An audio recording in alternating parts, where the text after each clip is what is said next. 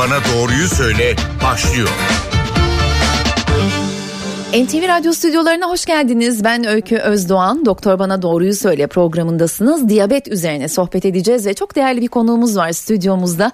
Florence Nightingale Hastanesi Endokrinoloji Bölüm Başkanı ve Bilim Üniversitesi Endokrinoloji Bilim Dalı Başkanı Profesör Doktor Sait Gönen. Hoş geldiniz stüdyomuza. Hoş bulduk Öykü Hanım. Telefon numaralarımızı hatırlatalım dinleyicilerimiz için 0212 335 47 20 0212 335 47 20 nolu telefondan bize ulaşabilir ve diyabetle ilgili sorularınızı iletebilirsiniz.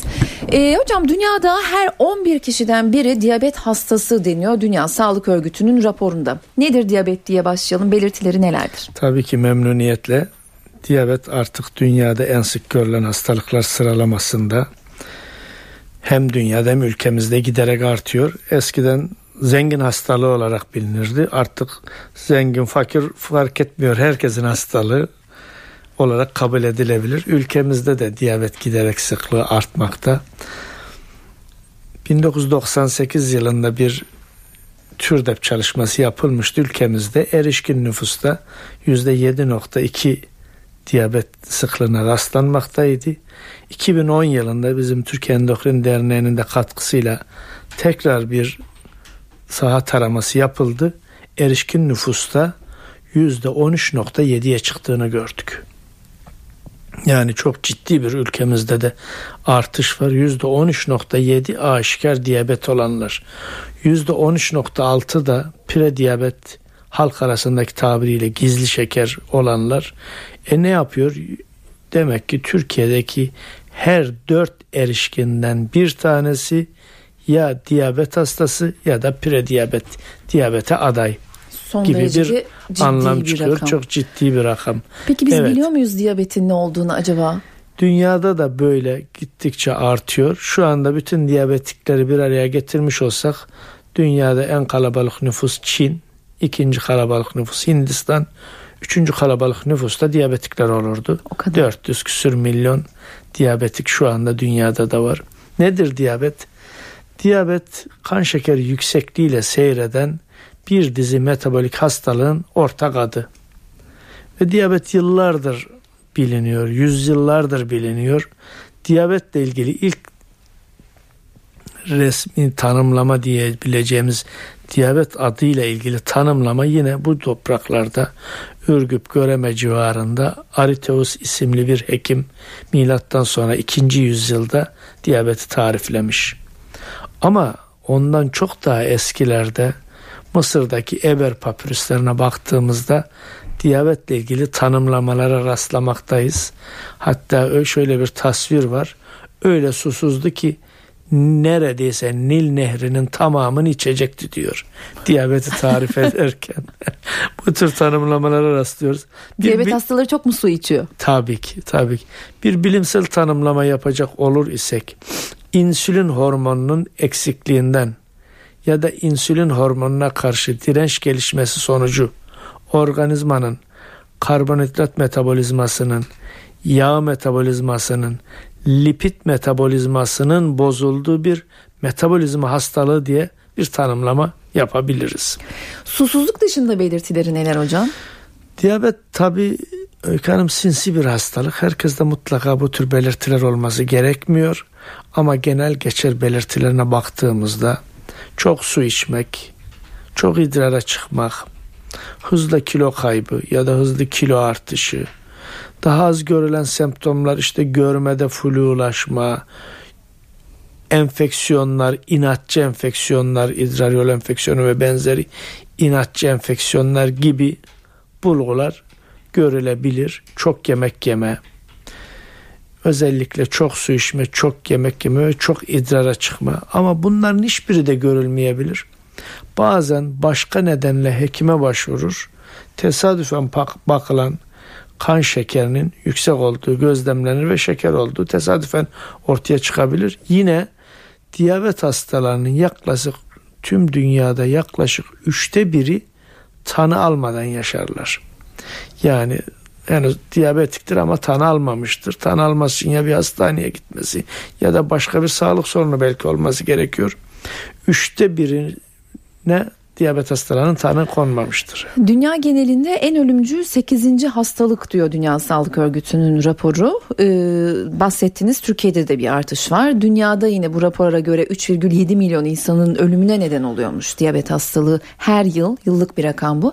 Ee, diyabetin tehlikeli bir hastalık olduğu düşünülüyor. Tehlikeli bir hastalık mı? Öyleyse neden? Tabii ki tehlikeli bir hastalık çünkü bütün sistemlerde hasara yol açan bir hastalık ve bir süre sonra biz diyabeti bırakır diyabetin hasarlarıyla uğraşmaya başlarız. Gözde, kalpte, sinir sisteminde, böbreklerde her yerde hasara yol açar ve biz o hasarlarla uğraşmaya başlarız. Diyabetin aslında en sık dünyadaki ölüm nedenler arasında enfeksiyon hastalıkları, kardiyovasküler hastalıklar, sonra e, işte kazalar ve benzeri hastalıklar, sonra da diyabet ve diyabete bağlı komplikasyonlara bağlı ölümler sayılabilir. Ee, kanser tabii bir de kanser. daha sık olan. Hı hı. Demek ki enfeksiyonlar, kardiyovasküler hastalıklar, kanser ve ondan sonra diyabet sayılabilir. E, diyabet kandaki şeker oranını artırıyor e, değil mi hocam yanlış söylemiyorum. E, diyabetin çeşitleri var tabi tip 1 tip 2'yi biliyoruz halk arasında. E, nedir diyabetin çeşitleri ve bunların birbirinden ne farkı var? Belirtileri, tedavileri her şeyi farklı mı? Şimdi diyabetin bir tanımlam tanımlamasını yapacak olursak pankreasımızdan insülin hormonu diye bir hormon üretilir.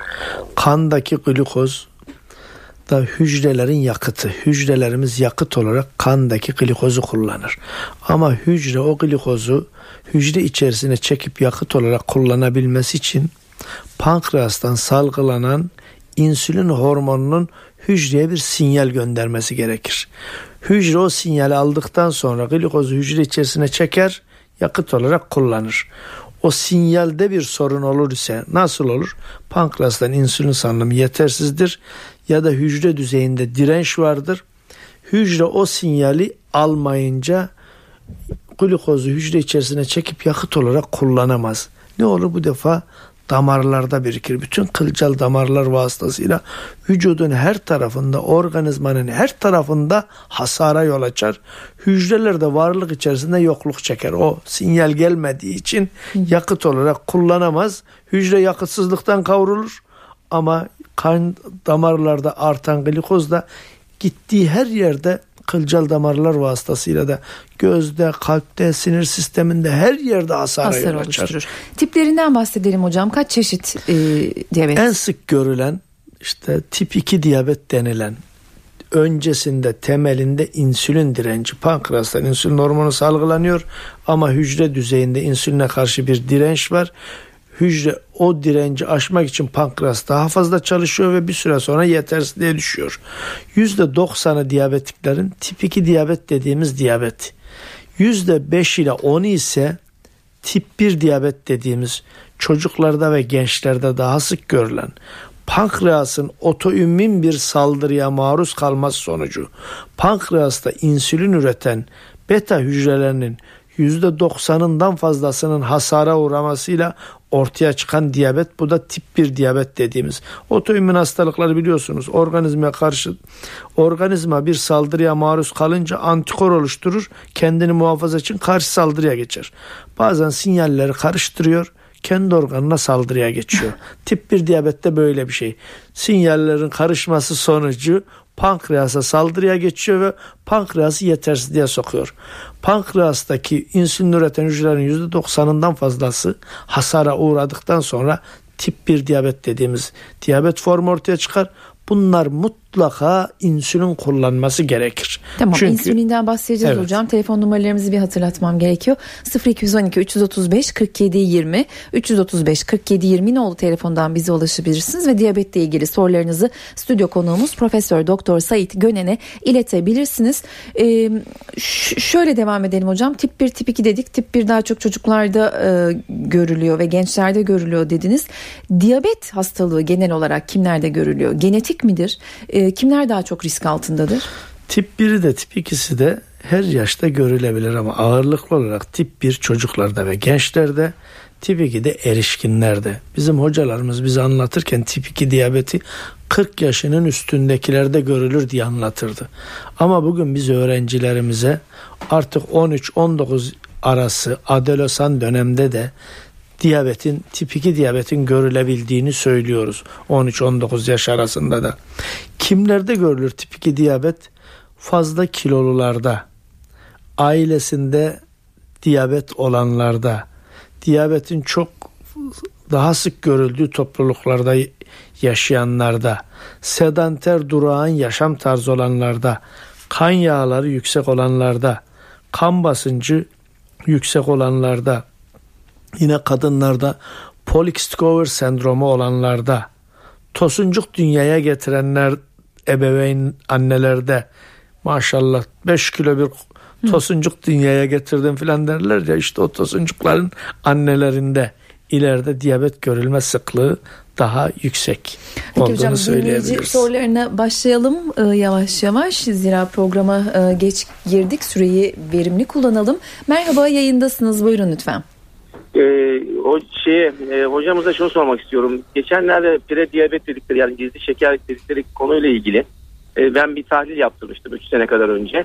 İşte şeker oranı Evet. yani normalde açlık şeker oranım biraz yüksek çıkıyor. Yani 200'leri 180 190 gibi ben kendim de e, her gün kontrol ettim. İşte açlık şekerlerim işte 110'u aşıyor 150'lere falan buluyor.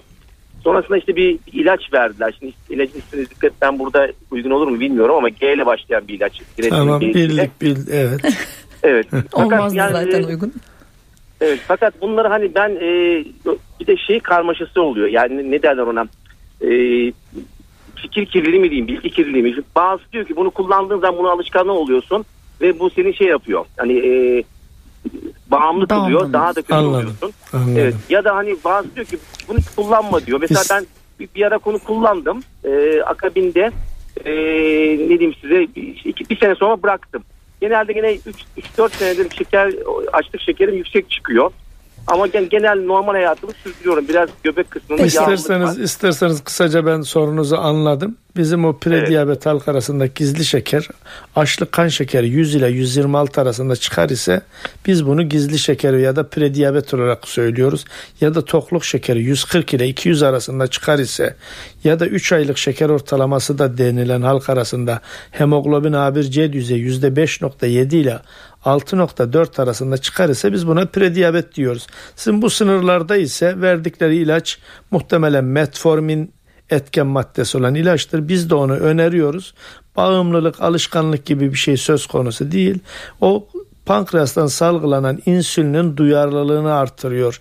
Yani hem karaciğerde hem kas dokusunda hem yağ dokusunda etkili insülinin duyarlılığını artıran bir ilaç ama o yetmez. Yaşam tarzı çok önemli.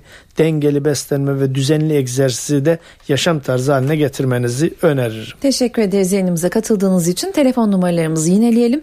0212 335 47 20 335 47 20 oldu telefondan bize ulaşıp diyabetle ilgili sorularınızı Profesör Doktor Sait Gönen'e iletebilirsiniz.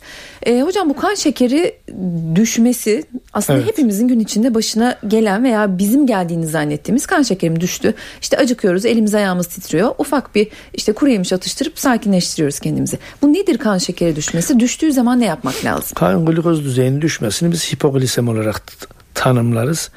Kan şekerinin düşüklüğü özellikle kan glikoz düzeyi 60 ve altına düştüğünde ciddi semptomlar da olur. Soğuk terleme, halsizlik, bitkinlik, bayılmaya kadar giden semptomlar olur. Çünkü kan glikoz düzeyi özellikle beyin direkt glikozu kullandığı için beynin glikozunda yetersizlik olması çok ciddi semptomlara yol açar. Tabi bu kan glikoz düzeyinin düşmesi hipoglisemi bazen de tokluk yemekten 2 saat sonra tokluk döneminde de kan glikoz düzeyi düşüklükleri yaşanabilir. Özellikle bize hastalar gelir der ki hocam işte benim annemde diyabet var ya da babamda diyabet var ama ben kan şekeri düşüklükleri yaşıyorum. Aksine benim şekerim düşüyor der. Halbuki aksine şeker düşmesinden öte bu gele, gelecek olan diyabetin ayak sesleri olarak kabul edilmeli. Öyle mi? Çünkü evet insülin direnci olanlarda insülinin salınım paterninde bir bozulma olur ve erken faz insülin salınımı bozulur. İkinci faz insülin salınımı da fazla abartılı olduğu için toklukta kan şekerlerinin düştüğü bir semptomlar olur. Ne Burada lazım yapılması o? gereken öncelikli yapılması gereken ara öğün. Az yiyip sık yemek ve düzenli egzersiz. Egzersiz de insanların karbonhidrata olan ist- isteğini azaltır. Ara öğün de pankreası daha sık çalıştırarak bu hipoglisemi ile ilgili rahatsızlıkların düzelmesine yol açar. Tabi bu hipogliseminin insülinden insülin fazla salgılanan hipoglisemi var. Hiperinsülinizmli dediğimiz insülini salgılanmadığı hipoglisemiler var. Bunların tabi ayırt edilip incele hekim tarafından incelenmesi lazım ama daha sık polikliniklerde görülen reaktif hipoglisemi. Reaktif hipoglisemisi olanlarda da bizim öncelikli önerimiz ara öğün alması ve düzenli egzersiz yapması. Fazla kilosu var ise onlardan da bir o kilolardan da bir zaman evresinde kurtulmak için bir beslenme programına devam etmesi. Peki reklam arası vereceğiz ama bir dinleyicimizin telefonunu alalım. Uzun zamandır bekletiyoruz. Buyurun lütfen hızlıca sorabilir misiniz? Ee, tabii. Alo merhabalar. Ha merhabalar. Ee, hocam ben 22 yıldır tip 1 diyabet hastasıyım. Evet. Ee, öncelikle sizin az önce bahsettiğiniz tip 1 diyabetin ileriki sendromlarını yavaş yavaş yaşıyorum. Göz, böbrek vesaire diğer şeyler. Evet. Fakat kafama takılan bir soru var. Yani Buyurun. tıp dünyasında birçok hastalığa, birçok e, ağır hastalığa e, çare bulunmuşken e, özellikle yüzyıllardır bilinen tip 1 diyabetle ilgili neden e, bir e, ameliyat, işte kök hücre nakli, işte ne bileyim pankreasla ilgili bir müdahale. Tabii bunu e, e, internetten yaptığımız araştırmalarda e, sıkça ka- karşılaşıyoruz bu Evet. çalışmaların yapıldığına dair ama ben hani 22 yıl önceki e, duyumlarımla bugünkü duyumlarımın arasında henüz bir adım bile atılmadığını bir e, araştırıcı olarak görüyorum. Yani en son geçen ay işte yılda bir defa yapılacak bir yeni üzerinde uzmanların araştırma yapıldığı söylendi. Onun da artık piyasaya çıkması 5 yıl. E, Şimdi e, sadece tırnak içinde soruyorum. Evet. Kanserin, AIDS'in ve bu, buna benzer çok ağır hastalıkların çözümü bulunmuşken tip 1 diyabetin neden çözümü bulunmuyor? Peki soralım hocama. Evet tamam. Şimdi tabi tip 1 diyabet 1921 yılında insülinin keşfine kadar tip 1 diyabet olanlar yaşama şansında zor buluyorlardı. İnsülinin keşfi 1921'de keşfedenler bu bundan dolayı Nobel ödülü aldılar. Tip 1 diyabetle ilgili çalışmalar yoğun bir şekilde devam ediyor birçok merkezde.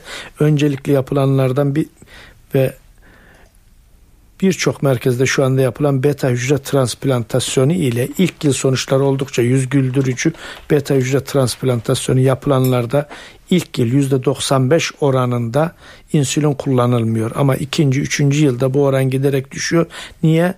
E, organizmanın bir rejeksiyon fenomeni var, red fenomeni var. Dışarıdan gelen bir organa, dokuyu bir süre sonra reddetme fenomeni var. Yine reddetmesin diye kullandığımız bir takım immünolojik ilaçların da diyabete yol açma riski var gibi bir takım riskleri var ama buna rağmen birçok merkezde bu konuyla ilgili çok ciddi çalışmalar yapılıyor.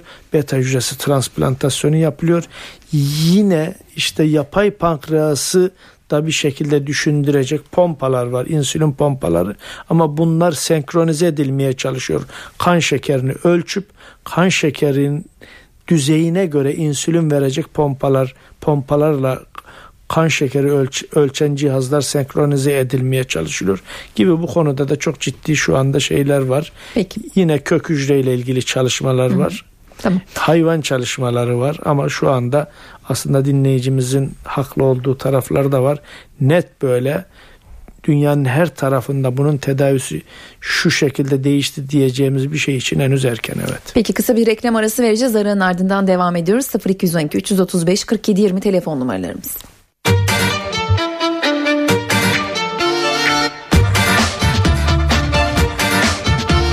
Doktor bana doğruyu söyle devam ediyor.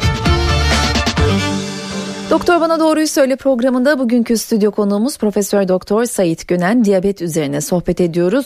Ancak e, çok fazla vaktimiz kalmadı. Bütün telefonlara cevap veremeyeceğiz. Şimdiden üzülerek söyleyeyim ve telefon numaralarımızı yinelemeyeyim. E, hocam tedavisinden bahsedelim. Son 5 dakikamız programa da geç girdik. Çok da konuşamadık. Dinleyicilerden özür dileyelim. E, nedir diyabetin tedavisi?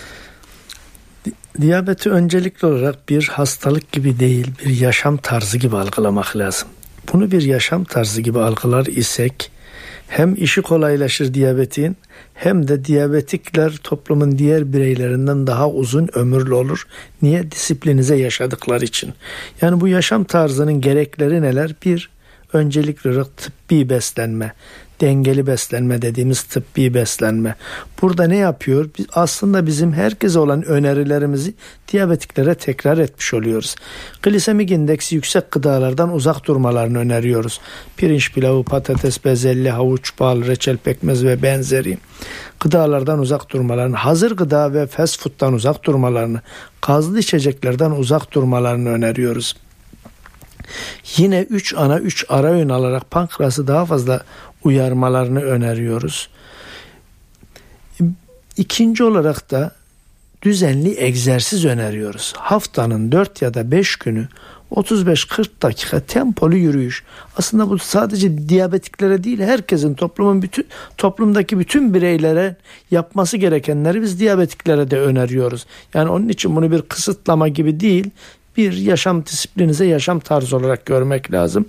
Üçüncü olarak da değişik ilaçlar var diyabetin tedavisinde kullandığımız ama hem tıbbi beslenme hem düzenli egzersiz hem ilaç tedavisi. Üçü de tedavinin ana unsuru. Biri gerçek tedavi de diğerleri yardımcı tedavi değil. Üçünü birlikte götürüp götüren bir yaşam tarzı.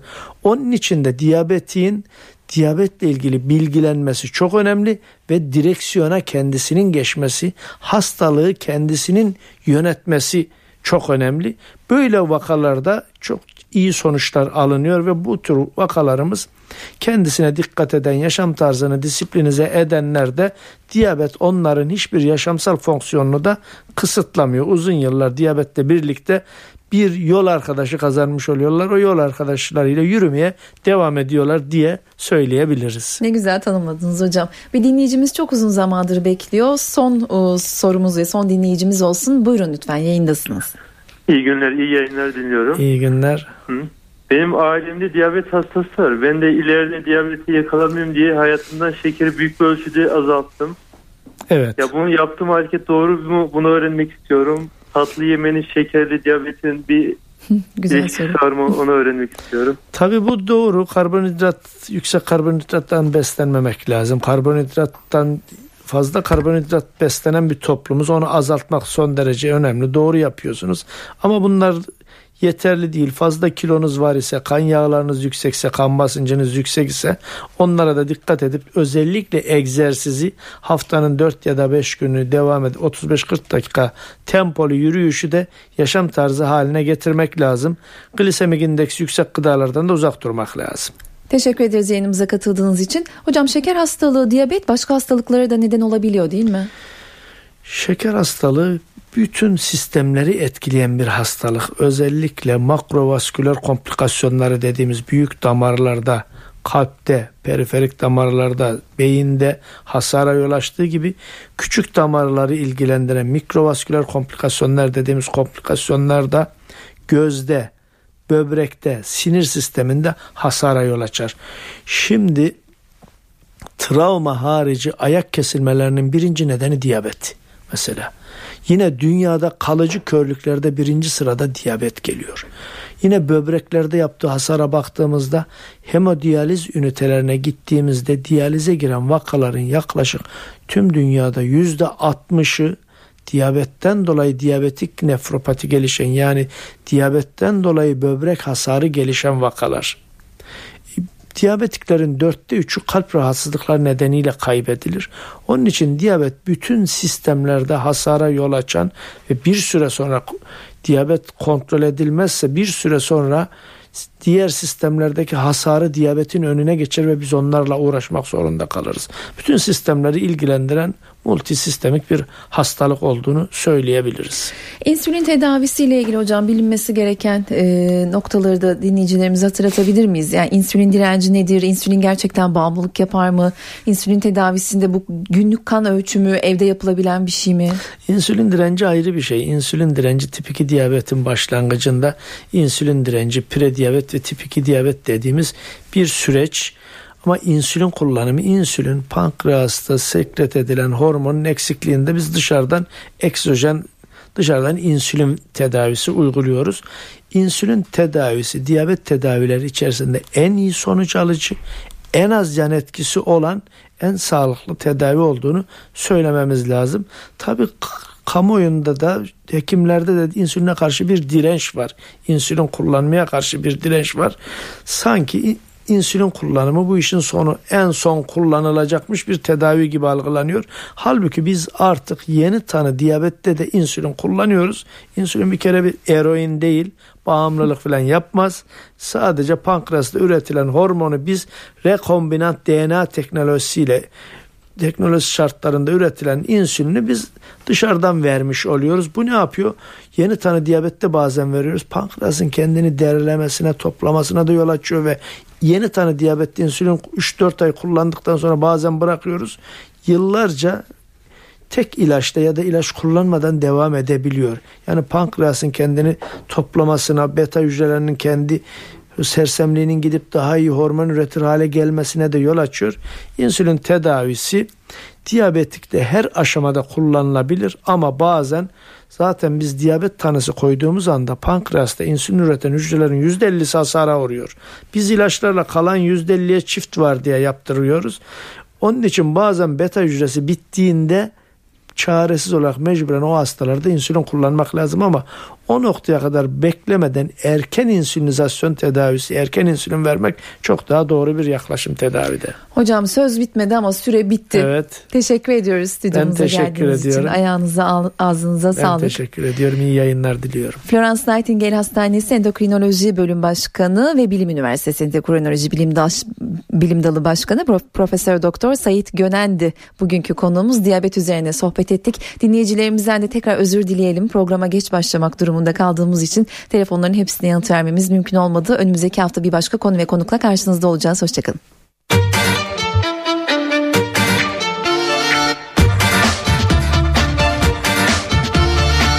Doktor bana doğruyu söyle.